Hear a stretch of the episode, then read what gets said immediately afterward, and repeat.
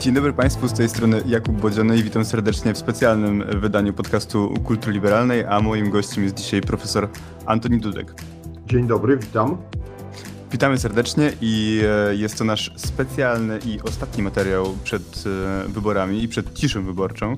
Także tym bardziej dziękuję panu profesorowi, że zgodził się przyjąć nasze zaproszenie. I panie profesorze, bez zbędnych wstępów, e, co pana najbardziej zaskoczyło w tej kampanii wyborczej? Wie pan, trudno powiedzieć, bo ja te kampanie wyborcze obserwuję tak naprawdę, można powiedzieć, zawodowo od narodzin III Rzeczpospolitej i mnie właściwie chyba w tej kampanii nic tak specjalnie nie zaskoczyło, przynajmniej jak na razie.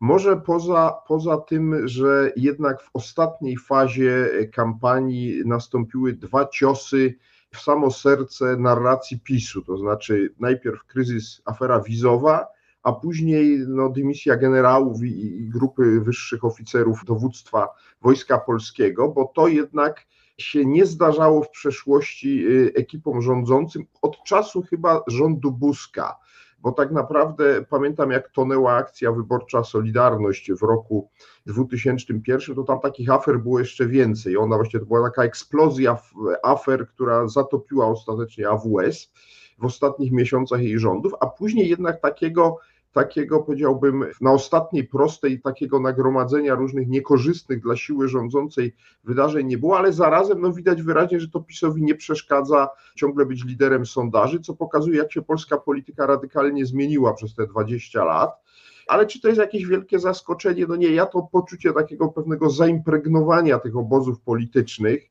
i nieodporności na jakiekolwiek informacje już obserwuję od dłuższego czasu. No, to jest ten problem, nieustannie dziennikarze z opcji antypisowskiej mi zadają to pytanie, jak to jest możliwe, że to są takie straszne afery, bo przecież nie chodzi mi tylko o tych dwóch ostatnich, tylko o tym ciągu tych afer, które, które mamy, a PiSowi nie spada. No więc ja zawsze odpowiadam, że im spadło, bo my nie rozmawiamy w tej chwili o tym, czy PiS będzie miał lepszy wynik e, niż w 2019 roku, tylko o ile będzie miał gorszy, bo przypomnę, że w 2019 roku PiS miał ponad 43% poparcia i takiego wyniku z całą pewnością w najbliższą niedzielę miał nie będzie. Natomiast pytanie o ile będzie miał gorszy.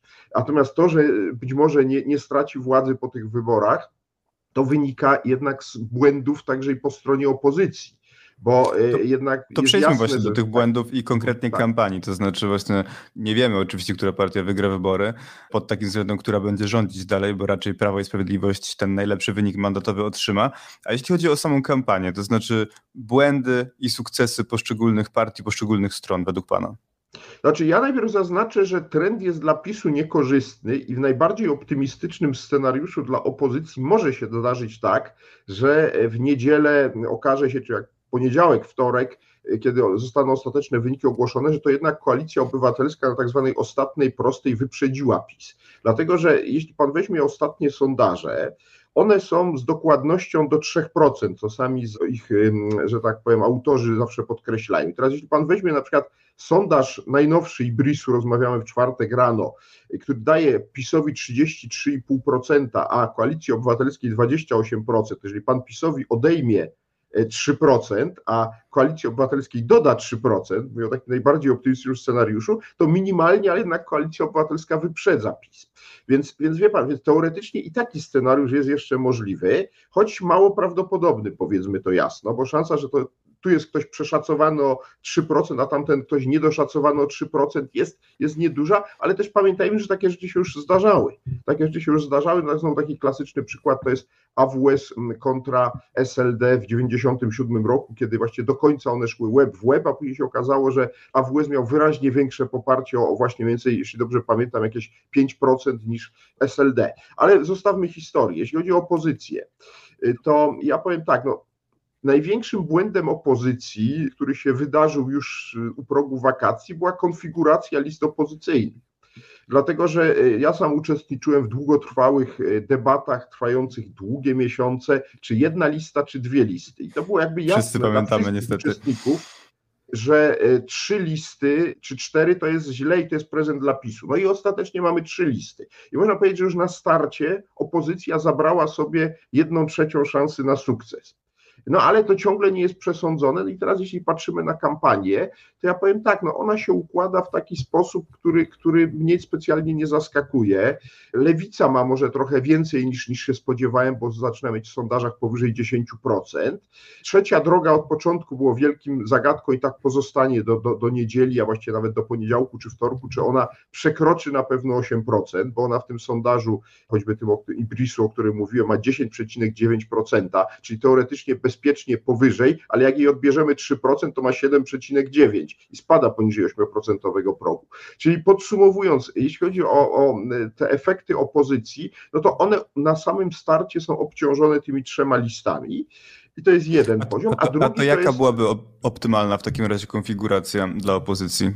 Wie pan, no jedna bądź dwie listy. Ja nie chcę się wracać do tego sporu, bo ja byłem zwolennikiem dwóch list, ale wie pan, no, wyobraźmy sobie na moment, że jednak dochodzi do porozumienia koalicji obywatelskiej z lewicą, no to ta lista ma dzisiaj więcej niż PiS, to jest oczywiste, jest liderem sondaży i wszyscy się boimy o los trzeciej drogi. Tylko proszę zwrócić uwagę, że trzecia droga, ponieważ jednak niektórym, i to, dlatego Tusk nie zrobił koalicji z lewicą, bo moim zdaniem lewica była przynajmniej czarzasty, skłonny rozmawiać, on się obawiał, że straci część centrowych wyborców. Ta część centrowych wyborców nie idzie do PiSu, tylko idzie do trzeciej drogi. I przy dwóch listach trzecia droga też ewidentnie ma powyżej 8%. No ale nie ma dwóch list, nie ma tym bardziej jednej listy, bo jakby była jedna lista, to jak rozsumujemy te wszystkie procenty, to, to tym bardziej lider sondaży jest oczywisty. Więc te trzy listy jest, jest po prostu prezentem dla PiSu.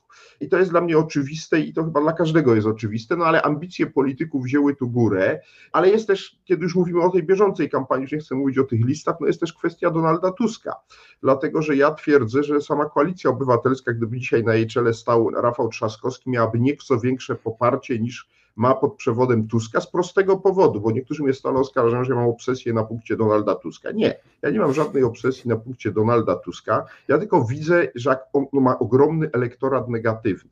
I ten negatywny elektorat Tuska, który jest pewnym faktem obiektywnym, osłabia koalicję obywatelską.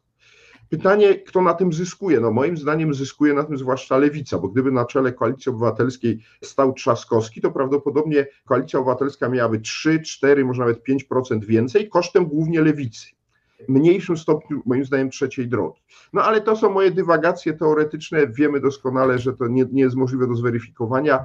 Układ personalny na opozycji jest taki, jaki jest. Zobaczymy, jakim będzie się udawało e, później, jeśli im się uda wygrać, co ciągle jest możliwe stworzeniem rządu, bo ten rząd będzie miał naprawdę bardzo pod górkę, znacznie bardziej niż jakikolwiek rząd, moim zdaniem, od, od e, mniej więcej e, lat 90., czy od wejścia do Unii może, bo jak Polska weszła do Unii, to się zaczęły łatwe rządy, no to łatwe łatwe rządy się skończyły z pandemią.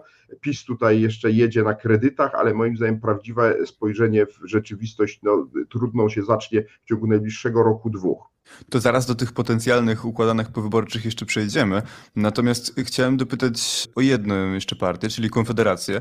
Potencjalnego kingmakera, tak się bardzo długo mówiło i te sondaże, pamiętam, maj, czerwiec y, oscylowały w granicach 12, nawet 15%. Część ekspertów mówiła o 20% poparcia potencjalnie dla, dla Konfederacji. Natomiast po wakacjach we wrześniu to wszystko się załamało. Jestem ciekaw, dlaczego według Pana tak się stało. To znaczy, czy to była kwestia tego, że Mencen się zgrał, że za szybko wystrzelił i po prostu nie był w stanie tego utrzymać, czy to była kwestia punktowania go przez e, partie opozycyjne, czy może na przykład e, jeszcze tutaj był ten punkt e, ze specyficznymi osobami na listach, które również zyskały pewien rozgłos i to osłabiło Konfederację i wizerunek jako, taki mozolnie budowany wizerunek jako partii normalnej i partii poważnej i jednak stała się ona znowu partią radykalną i, i niepoważną. Ale bardzo chętnie usłyszę, co pan ma na ten temat do powiedzenia.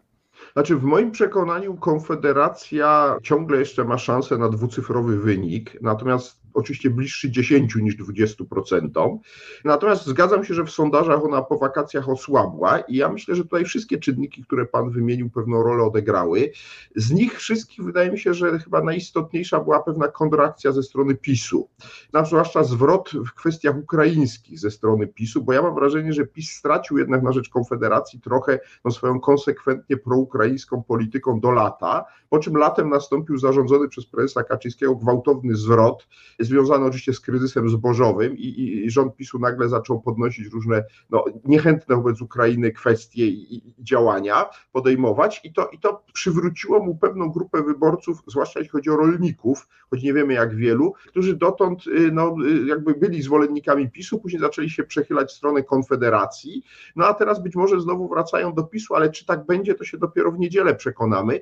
Oczywiście to nie jest główny powód, ale on mi się wydaje najistotniejszy, bo te inne też, no niewątpliwie wzrost sondażowy Konfederacji spowodował większe zainteresowanie nią mediów, ale mediów, no, które nie, nie tyle ją lansowały, co zaglądały za kulisy i pokazywały, że tam są różne bardzo postacie, no delikatnie mówiąc, skrajne i nagłaśnianie ich różnych wypowiedzi Konfederacji na pewno nie pomogło, bo Bosak z Mencenem ją wylansowali, prezentując taki lajtowy, bardzo umiarkowany wizerunek tej partii, chowając te wszystkie radykalizmy gdzieś tam na zapleczu, no ale na dłuższą metę to się nie daje zrobić, to się daje zrobić przez kilka tygodni, ale nie przez kilka miesięcy. No i, i, i w efekcie to ujawnienie przez wakacje tych różnych, wielu ludzi się dowiedziało po prostu, kto w Konfederacji jest i to zniechęciło ich, dlatego że, no powiedzmy sobie jasno, Konfederacja jest zbudowana z trzech grup wyborców dwóch bardzo niedużych, ale kilkuprocentowych, ale na poziomie 2-3% to są nacjonaliści, to są, czyli tak zwani narodowcy i z drugiej strony to są wolnościowcy, libertarianie Korwina, co łącznie im dawało właśnie plus minus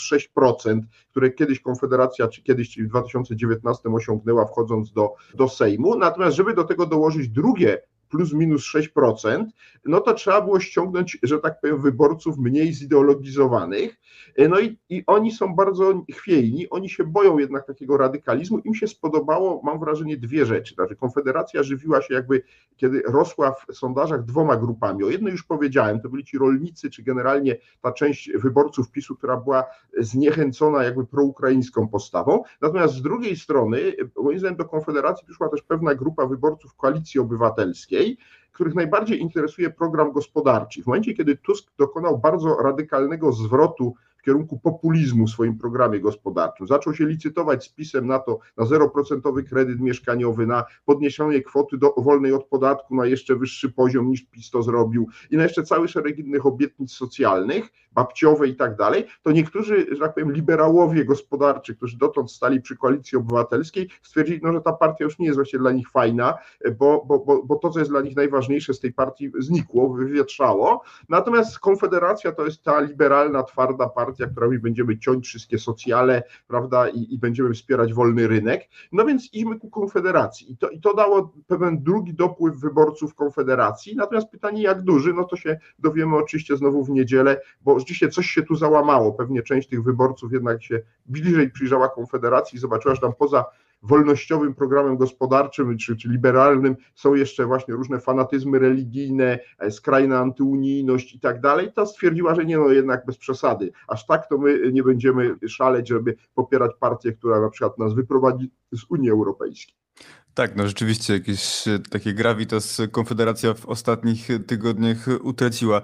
A jeśli chodzi o, zależy to oczywiście od wyniku, jaki to partia uzyska, natomiast jest to cała dyskusja a propos tego, co później czeka Konfederację, albo co powinno ją czekać i co jest w interesie tej, tej partii, bo z jednej strony mówi się o tym, że ona mogłaby wspomóc PiS albo normalnie w koalicji, ale z drugiej strony wtedy by utraciła swoją wiarygodność, no bo chociażby ten spot Mencena z e, środy bodajże, czyli Sławomir Mencen apelujący do, do widzów w internecie o tym, żeby ktoś dostarczył mu jakiegoś rodzaju kompromatę na Mateusza Morawieckiego i oferuje za to milion złotych. Wydaje mi się, że w ogóle sytuacja dosyć bezprecedensowa.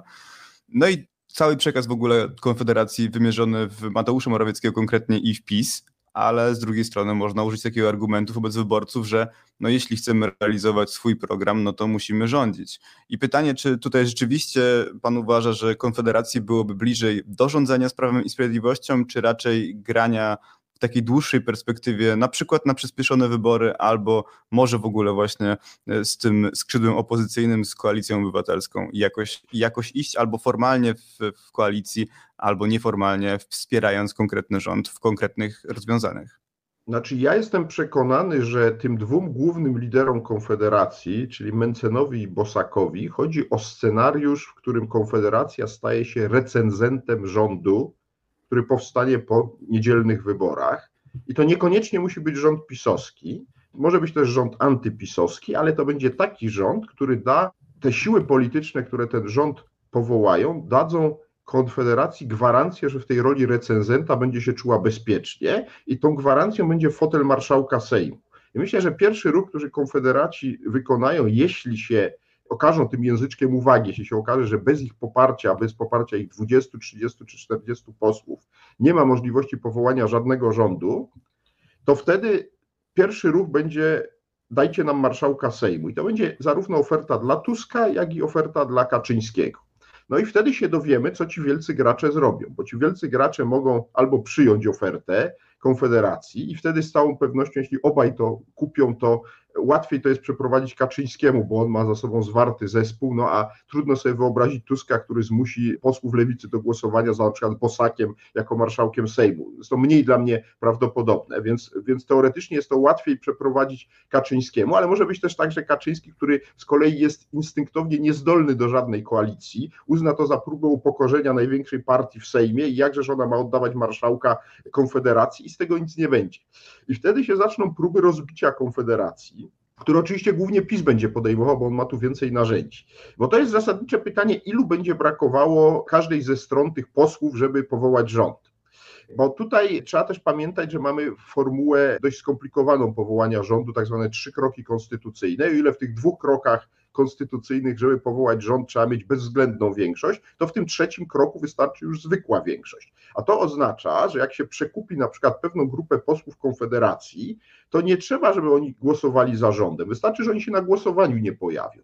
I już sam fakt ich nieobecności ułatwia powołanie rządu no, mniejszościowego realnie, ale jak wiemy, PiS, y, jak się temu bliżej przyjrzeć, od czasu rozbicia partii Gowina balansuje na mniejszości, ale jakoś przetrwał te półtora roku, więc y, taki układ jest możliwy. Więc podsumowując, ja mogę sobie wyobrazić, że PiS będzie w stanie łatwiej niż antyPiS zbudować jakiś tam rząd, zwłaszcza, że jeszcze ma swojego prezydenta i dwa z tych trzech kroków konstytucyjnych, ten pierwszy i trzeci, to są kandydaci powoływani przez prezydenta e, do roli premiera, więc to będą ludzie z PiSu. I moim zdaniem wtedy mamy sytuację osłabionego jeszcze bardziej PiSu przy władzy, niekoniecznie w, z koalicją w Konfederacji wchodzącym, bo koali, większość Konfederacji może być przeciw tej koalicji, ale mówię, z jakimś cichym poparciem niektórych posłów Konfederacji i to wszystko trwa do wyborów prezydenckich, dlatego że ja mam, czyli do wiosny 25 roku, ja mam coraz silniejsze przekonanie, że zasadnicza zmiana w Polsce się dokona za sprawą wyborów prezydenckich, które PiSowi będzie niezwykle trudno wygrać z przyczyn demograficznych, czy kandydatowi PiSu, czy kandydatce. Natomiast proszę zwrócić uwagę, że to są wybory zero-jedynkowe. Tam już nie ma żadnych udziałów. Tam po prostu jest ktoś prezydentem, a ktoś nim nie jest. I to jest moment, w którym albo ten prezydent wzmacnia układ, który się wyłoni po niedzielnych wyborach, albo go rozbija. Ja stawiam na ten drugi scenariusz, nawet jeżeli PiSowi uda się rzeczywiście stworzyć e, rząd po, po niedzielnych wyborach, chociaż, chociaż jak mówię, to dziś też nie jest przesądzone. Więc jak mówię, e, zasadniczym pytaniem jest spójność kończąc już odpowiedź moją rozwlekłą na Pana pytanie, e, spójność Konfederacji, bo ona jest ulepiona z różnych bytów, z których jednym jest bliżej do opozycji, a innym jest bliżej do PiSu. Natomiast sami liderzy mają nadzieję, że po prostu sięgną po władzę w kolejnym rozdaniu, bo plan Mencena Bosaka jest oczywiście taki, żeby utrzymać się w roli recenzenta rządu do wyborów prezydenckich. Oni zakładają, że prawdopodobnie Mencen jako ewidentnie bardziej popularny, a może o Bosak, no nie wiem, o to się też mogą pokłócić, wejdzie do drugiej tury eliminując któregoś z kandydatów głównych formacji i to będzie, w moim przekonaniu, nawet gdy nie wygra tych wyborów prezydenckich, to to będzie taki cios dla całego duopolu, że oni wtedy rozwalą Sejm i doprowadzą do przedterminowych wyborów i będą, prawda, znacznie silniejsi niż są. Ale to dopiero w 2025 roku, dlatego że doprowadzanie do wyborów na przykład na wiosnę przyszłego roku nic nie daje, poza tym, że wykrwawia partię z pieniędzy i sił, a mają dwie inne kampanie wyborcze, bo trzeba pamiętać, że w pierwszej połowie przyszłego roku czekają nas wybory samorządowe i później wybory europejskie. To jest dla polityków ogromne wyzwanie. Więc dokładanie sobie dodatkowych przedterminowych wyborów parlamentarnych nie jest tak naprawdę w niczyim interesie, moim zdaniem. No ale na pewno nie jest bardziej w interesie mniejszych ugrupowań, które dysponują mniejszymi środkami, tak? Czyli w teorii ten duopol tak zwany mógłby ewentualnie przejść do wcześniejszych wyborów, jeśli miałoby to zabezpieczyć jego pozycję właśnie na przykład przed e, tymi nowymi partiami, tym nowym podziałem, na który Konfederacja bardzo liczy. Tylko wie pan, pamiętajmy, że w ramach tego duopolu y, jedna z tych sił na pewno będzie rządziła, bo jednego możemy być pewni. Następny rząd po niedzielnych wyborach będzie albo oparty na PiSie, albo na koalicji obywatelskiej, czyli realnie Platformie Obywatelskiej. I teraz rodzi się pytanie o stan finansów państwa i możliwości podtrzymania tych wszystkich rzeczy, które PiS podtrzymuje. Już nie chcę mówić o cenach benzyny, bo te wiadomo, że po 15 października pójdą do góry, ale chcę powiedzieć na przykład o zamrożonych cenach prądu i całym szeregu innych zamrożonych rzeczy, które PiS zamroził do wyborów. I teraz jest pytanie, czy jeśli się ma na horyzoncie kolejne trzy kampanie wyborcze, bo do tych dwóch, o których już mówiłem, doszłaby ta, to czy siła rządząca, znając sobie sprawę, jaki jest stan finansów, będzie w stanie zaryzykować podtrzymanie tego, powiedziałbym, miękkiego, tej miękkiej polityki przez kolejne miesiące 2024 roku, żeby nie przegrać wyborów, bo powiedzmy sobie jasno, Dzisiaj polscy wyborcy znacznej części zostali przez PiS zahipnotyzowani taką wiarą, że będzie już tylko lepiej. I oni mają ogromne oczekiwania od każdego rządu. I rząd, który powie, słuchajcie, no niestety nie da się już tak dalej, będziemy teraz zaciskać pasa, momentalnie gwałtownie traci siły polityczne, które go tworzą, momentalnie tracą w poparciu. Ja nie mam cienia wątpliwości, czy to będzie rząd PiSu, czy antypisu. Każdy rząd, który zacznie mówić, że no niestety, ale już popuszczać pasa dłużej nie możemy, przeciwnie, musimy go zacisnąć, natychmiast traci. I nie można sobie w tej sytuacji pozwolić na szybkie wybory, bo się je z definicji przegrywa, a to jest w ogóle poza wyobrażeniem polskiej klasy politycznej, że można dokonywać jakichś zmian w interesie państwa i jego przyszłości, ale kosztem tego, że się przegra wybory. Ostatni taki rząd to był rząd AWS Unii rząd Buzka, który z Kretesem przegrał obie te partie, formacje się nie znalazły w kolejnym Sejmie i od tego czasu politycy już unikają naprawdę trudnych decyzji, jak mogą. A jak je podejmują, to tak jak Donald Tusk zrobił reformę emerytalną, a później opowiadał, że dlatego Platforma przegrała wybory w 2015, bo zrobiła reformę emerytalną. Co jest oczywiście tylko niewielką częścią prawdy o powodach, dla których Platforma przegrała w 2015 roku. Wie pan, więc podsumowując, ja nie bardzo wierzę w te szybkie wybory po tych październikowych, bo jest za dużo, za duże ryzyko dla kogokolwiek, kto, kto do nich doprowadzi, że, że, że po prostu polegnie w tych wyborach. To przejdźmy w takim razie do tych dwóch najbardziej prawdopodobnych scenariuszy. Jeden, w którym mamy rząd, e, w którym główną siłą jest koalicja obywatelska, i drugi, w którym główną siłą jest e, prawo i sprawiedliwość. Jak pan sobie wyobraża możliwości, zacznijmy od tego rządu, powiedzmy z obecnej opozycji, możliwości takiego, takiego gabinetu? To znaczy, co on mógłby zrobić w tych pierwszych miesiącach, żeby się utrzymać? To znaczy, załóżmy, że premierem jest na przykład Donald Tusk, no ale na pewno takiej polityki, tak jak pan mówi, nie będzie się dało utrzymać chociażby te ceny benzyny, o których pan wspomniał. Mamy też szefa NBP Adama Glapińskiego, który brał no, niepasywny udział w tej kampanii wyborczej. Mamy oczywiście prezydenta Andrzeja Dudę. Czy rzeczywiście te wszystkie obietnice teraz Donalda Tuska, to, że on odzyska pieniądze z Brukseli, z Krajowego Planu Odbudowy, że tutaj wszystko uda się załatwić, jak tylko e, opozycja przejdzie władzę, czy to jest tylko taka mowa kampanijna, czy rzeczywiście coś tutaj jest e, na rzeczy?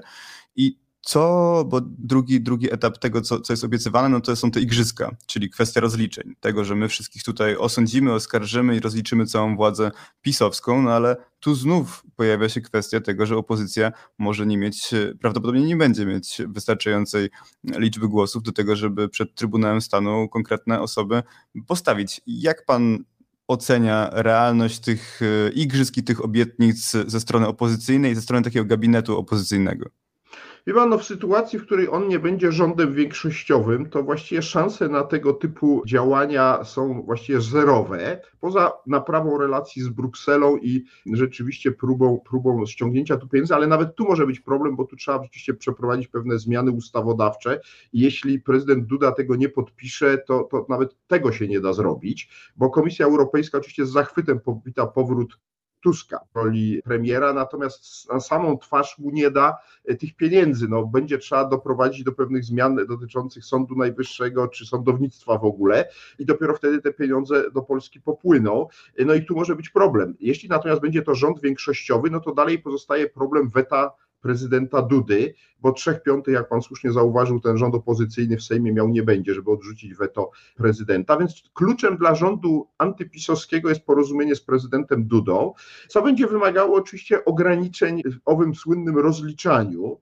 I w praktyce będzie się to sprowadzało do tego, że zmiany będą możliwe tam, gdzie są możliwe decyzją czy to premiera, czy ministrów, na przykład można wymienić rady nadzorcze spółek Skarbu Państwa i wymienić na przykład prezesa Obajtka, ale już na przykład zmiany w TVP są niemożliwe do czasu możliwości przeprowadzenia zmian ustawowych, na przykład likwidacji Rady Mediów Narodowych, no ale to z kolei y, wymaga już wsparcia Dudy, Duda nie sądzę, żeby akurat był zainteresowany zmianą władz TVP, a już na pewno nie na, nie, nie na takie, które będą zdominowane przez nominatów politycznych opozycji dzisiejszej, więc y, tutaj po prostu ciągle wracamy do relacji z prezydentem i w tym kontekście, tu znowu wyjdzie moja antytuskowość, uważam, że najgorszym kandydatem opozycji na premiera jest Donald Tusk, ponieważ sądząc po zachowaniach prezydenta Dudy, to on żadnego innego polityka opozycji nie trawi tak mocno jak, jak Tuska właśnie.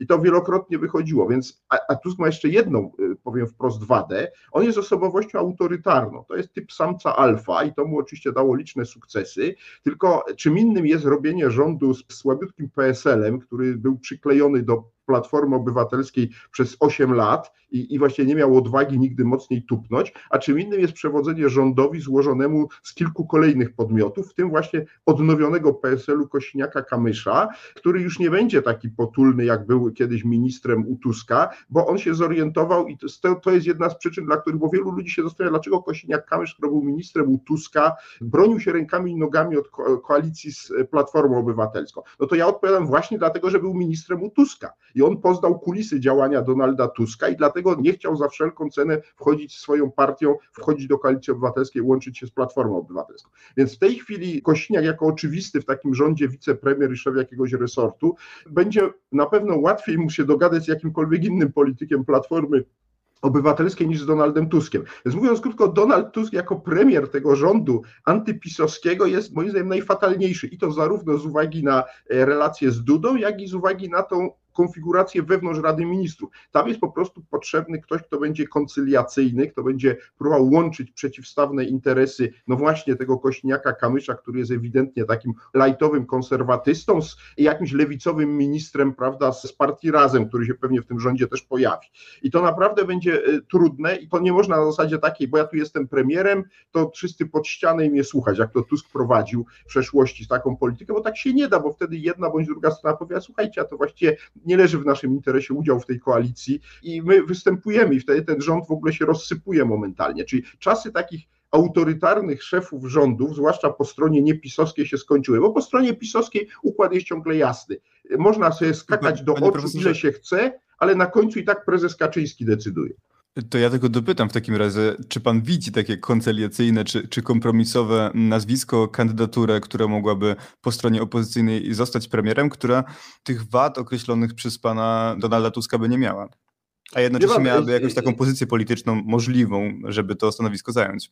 Wie pan, ja nie chcę wchodzić w spekulacje personalne. No, oczywistą postacią numer dwa o innej osobowości niż Donald Tusk jest Rafał Trzaskowski, no ale on ewidentnie ma aspiracje prezydenckie i w związku z tym to przekreśliłoby, mówiąc krótko, objęcie funkcji premiera takiego rządu jego aspiracje prezydenckie, a już OWS raz wyborów prezydenckich nie wygrał, bo niedużo wtedy brakowało. Teraz pewnie będzie chciał to powtórzyć, więc on zapewne nie będzie chciał być tym premierem i na tym moja lista nazwisk się kończy, ja innych nie wymienię. Ja tylko powiedziałem, na jakie problemy natrafi Donald Tusk jako jako premier nie tylko w relacjach z Dudą, ale także właśnie w relacjach z koalicjantami, bo jak mówię, niektórzy ci koalicjanci jednak mają do niego, już nie mówię o relacjach z Hołownią, gdzie też jest bardzo zła chemia, no i, i właściwie poza Czarzastym, który jest najbardziej pragmatyczny, no inni liderzy lewicy też za Tuskiem nie przepadają. Zresztą Czarzasty też to robi dobrą minę do złej gry, czyli mówiąc krótko, tam jest moim zdaniem wiele, wiele animozji, to będzie naprawdę trudne. Zresztą sam fakt, że oni nie potrafili się dogadać już nawet nie tylko w sprawie list, ale na przykład zrobienia czegoś, co ja nazwałem kongresem opozycji. Ja myślałem o takiej wielkiej imprezie, mówiłem o tym różnym politykom opozycji, żeby na późną wiosną tego roku, tuż przed wakacjami, zrobić taką wielką imprezę, kongres opozycji, gdzie byli ci wszyscy eksperci tych wszystkich formacji, które dzisiaj tworzą opozycję demokratyczną, żeby pokazać właśnie taką w efekcie tego kongresu pokaźną publikację, program przyszłego rządu, pokazać, gdzie się zgadzamy, gdzie się nie zgadzamy, no ale generalnie, żeby to było przekonujące, że my ten rząd na pewno stworzymy, to się nie udało, ba nawet nie udało się na tych dwóch imprezach wielkich, które Tusk zrobił, posadzić całej tej czwórki tych głównych liderów obok siebie na mównicy, powiedzieć, słuchajcie, my na pewno stworzymy rząd.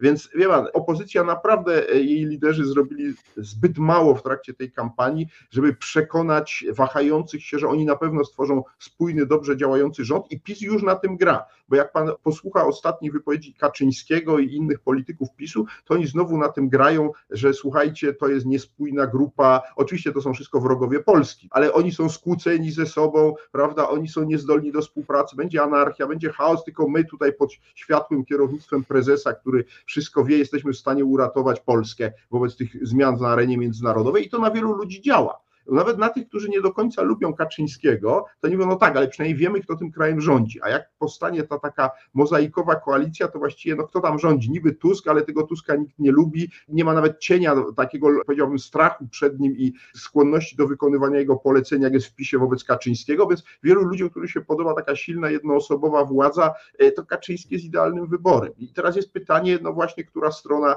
weźmie górę w niedzielę, zobaczymy. Na pewno strona opozycyjna będzie miała bez porównania więcej problemów z rządzeniem niż, niż PiS. To nie mam cienia wątpliwości. Tu rzeczywiście jest tak, że narracja PiSu obecnie jest taka, że wrogowie Polski nie mogą się dogadać, jak tej Polsce zaszkodzić. Ja tylko powiem, że na tym marszu 1 października rzeczywiście nie udało się zebrać całej opozycji i nie było tych wspólnych przemówień, natomiast e, te emocje tam były zupełnie inne niż na tym marszu czerwcowym. To znaczy rzeczywiście mieliśmy wystąpienie Czarzastego, zresztą bardzo chwalone przez wielu ekspertów i publicystów i też mieliśmy bezpośredni zwrot Donalda Tuska właśnie do Szymona Hołowni i Władysława Słowa Kośniaka-Kamysza. I była tam taka emocja również wśród tłumów y, taka odbierana, że jesteśmy tutaj razem. Oczywiście tego programu jednego nie ma, ale że jest tutaj jakaś wspólna misja i wspólny cel. Tu zgoda, że chcę podkreślić jasno, Donald Tusk w ostatnich tygodniach zmienił front, bo mniej więcej do początku września grał na zatopienie trzeciej drogi, aż w końcu zrozumiał to, co jest oczywiste i co trzecia droga mówi cały czas, że, że albo trzecia droga, albo trzecia kadencja PiSu. On zrozumiał, że jeżeli trzecia droga zatonie, to niekoniecznie on musi dzięki temu wyprzedzić PiS, a może się zdarzyć tak, że on się z PiSem zrówna w sondażach, ale to PiS będzie miał ten 1 czy 2% więcej, ale w efekcie okaże się, że to dzięki systemowi Tchonta da jednak PiSowi tą samodzielną większość, albo raczej zostanie koalicja obywatelska naprzeciw e, połączonych sił PiSu i Konfederacji. I to sprawiło, że on nagle przestał tą trzecią drogę tak atakować, e, zaczął ją pośrednio wspierać. Miał nawet takie jedno wystąpienie, gdzie właśnie wprost zaapelował, żeby wahający się głosowali raczej na trzecią drogę niż na koalicję obywatelską, no bo się rzeczywiście zorientował, jak katastrofalne dla całej opozycji skutki będzie miało przysłowiowe zatopienie e, trzeciej drogi. No i to jest dla mnie oczywiste, chcę powiedzieć jasno, z wszystkich tych haseł w tej kampanii, które mieliśmy, najbardziej prawdziwe jest to, które głosi Kosiniak z Hołownią. Albo trzecia droga w Sejmie, albo trzecia kadencja PiSu. To wszyscy wahający się wyborcy powinni wziąć pod uwagę, kiedy będą się zastanawiali nad tak zwanym taktycznym głosowaniem, bo taka jest stawka tych wyborów. Jeśli trzecia droga nie przekroczy progu, PiS jest niemal pewnym posiadaczem samodzielnej większości w Sejmie. No, myślę, że ten apel ostatni Donalda Tuska to mógł być szok poznawczy dla części wyborców e, Koalicji Obywatelskiej, szczególnie tych e, spod szyldu Silni Razem. Ale to przejdźmy jeszcze do tego scenariusza, w którym wygrywa Prawo i Sprawiedliwość i do tej partii udaje się stworzyć rząd po raz kolejny. Czy to będzie rząd podobny do, do tego, czy będzie też dużo słabszy? Czy ta kampania osłabiła tę partię? Czy ta partia będzie raczej konsolidować władzę, czy będzie się jej desperacko trzymać i, i próbować dotrwać właśnie do kolejnych wyborów i tam grać na, na jakiś inny wynik, czy na utrzymanie tego stanu? Wie pan, więc ja twierdzę, już mówiłem to, że PiS krwawi i już trochę krwi stracił i stąd powtórzę raz jeszcze, nie mówimy o wyniku powyżej 40% PiSu. On jest bardzo zmęczony tą kadencją, natomiast oczywiście ciągle mu się udało z powodu, o których już mówiliśmy, utrzymać tą, tą funkcję lidera sondaży. E, natomiast jeśli nawet stworzy samodzielny rząd, bo jeśli nie będzie miał rządu samodzielnego, czyli to będzie rząd albo na łasce Konfederacji, albo co mniej prawdopodobne moim zdaniem w sojuszu z Konfederacją, to będzie już kompletnie inny rząd mówiąc krótko, znacznie mniej stabilny.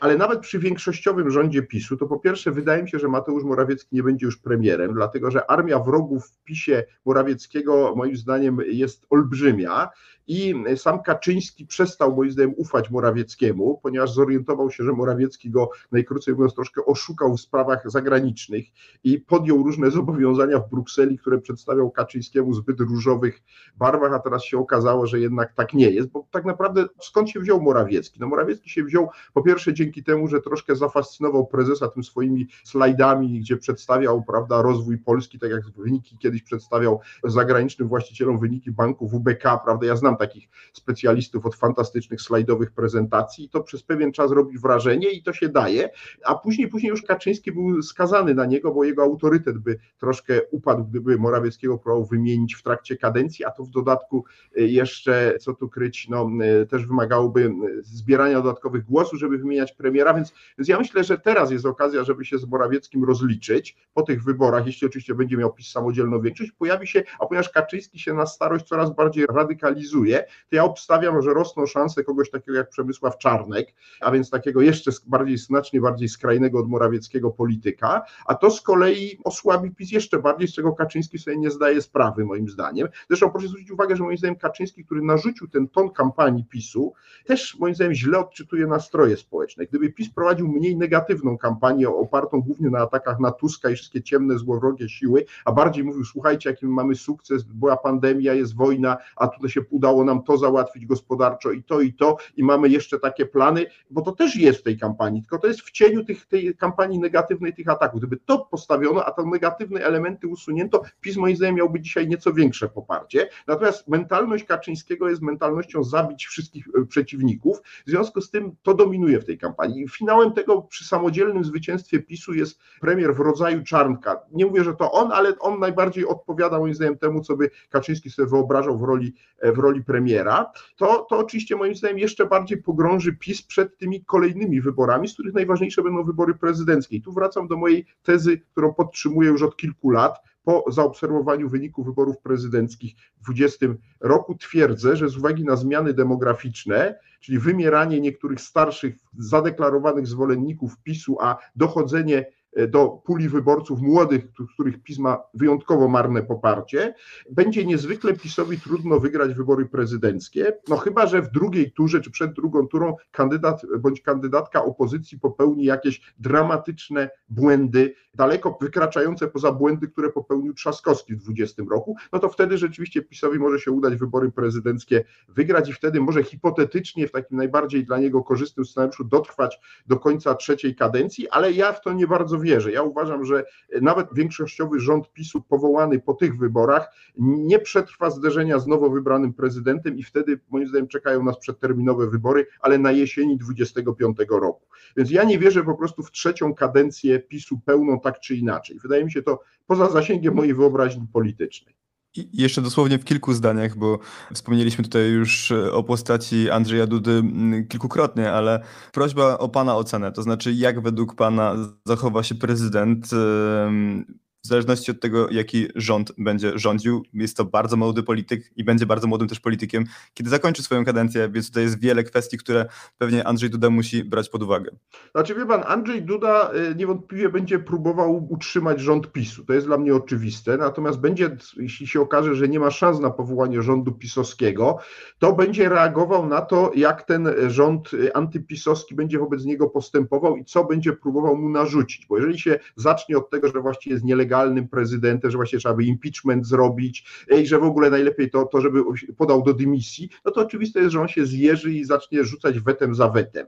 Natomiast jeżeli jednak ten rząd zacznie wobec niego politykę znacznie bardziej umiarkowaną, będzie próbował się jakoś porozumieć, nie będzie uderzał na wszystkich frontach w obóz pisowski, tylko skoncentruje się na tym, gdzie to jest realne, no to Dudzie, który nie jest oczywiście bardzo twardym politykiem, e, jeśli tu jeszcze dojdzie pewna e, rola Amerykanów, którzy, którzy nie są zainteresowani zainteresowani bałaganem w Polsce i będą, powiedziałbym, wspierać takie zakulisowo, ambasador Brzeziński będzie tam powiedzmy próbował jakoś ten rząd dogadać z prezydentem, to tu jakieś pole do współpracy jest możliwe, bo Duda, jak mówię, nie jest skrajnym radykałem, to nie jest osobowość pokroju Jarosława Kaczyńskiego czy Przemysława Czarnka, mówiąc krótko. Więc tu hipotetycznie, że on dlatego wygrał te wybory prezydenckie, bo jakby był to e, właśnie osobowość e, taka, powiedziałbym, zamknięta, nieotwarta, to, to niewątpliwie by tych wyborów prezydenckich dwukrotnie nie, nie wygrał.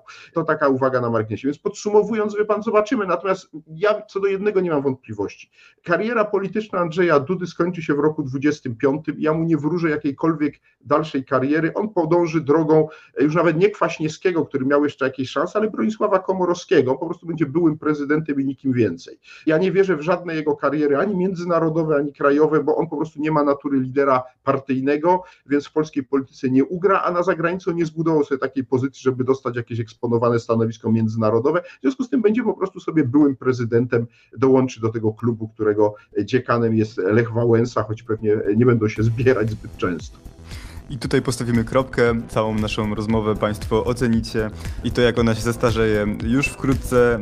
Dziękuję serdecznie. Moim i Państwa gościem był profesor Antoni Dudek. Dziękuję bardzo, pozdrawiam Pana, pozdrawiam Państwa. Dziękujemy i do zobaczenia.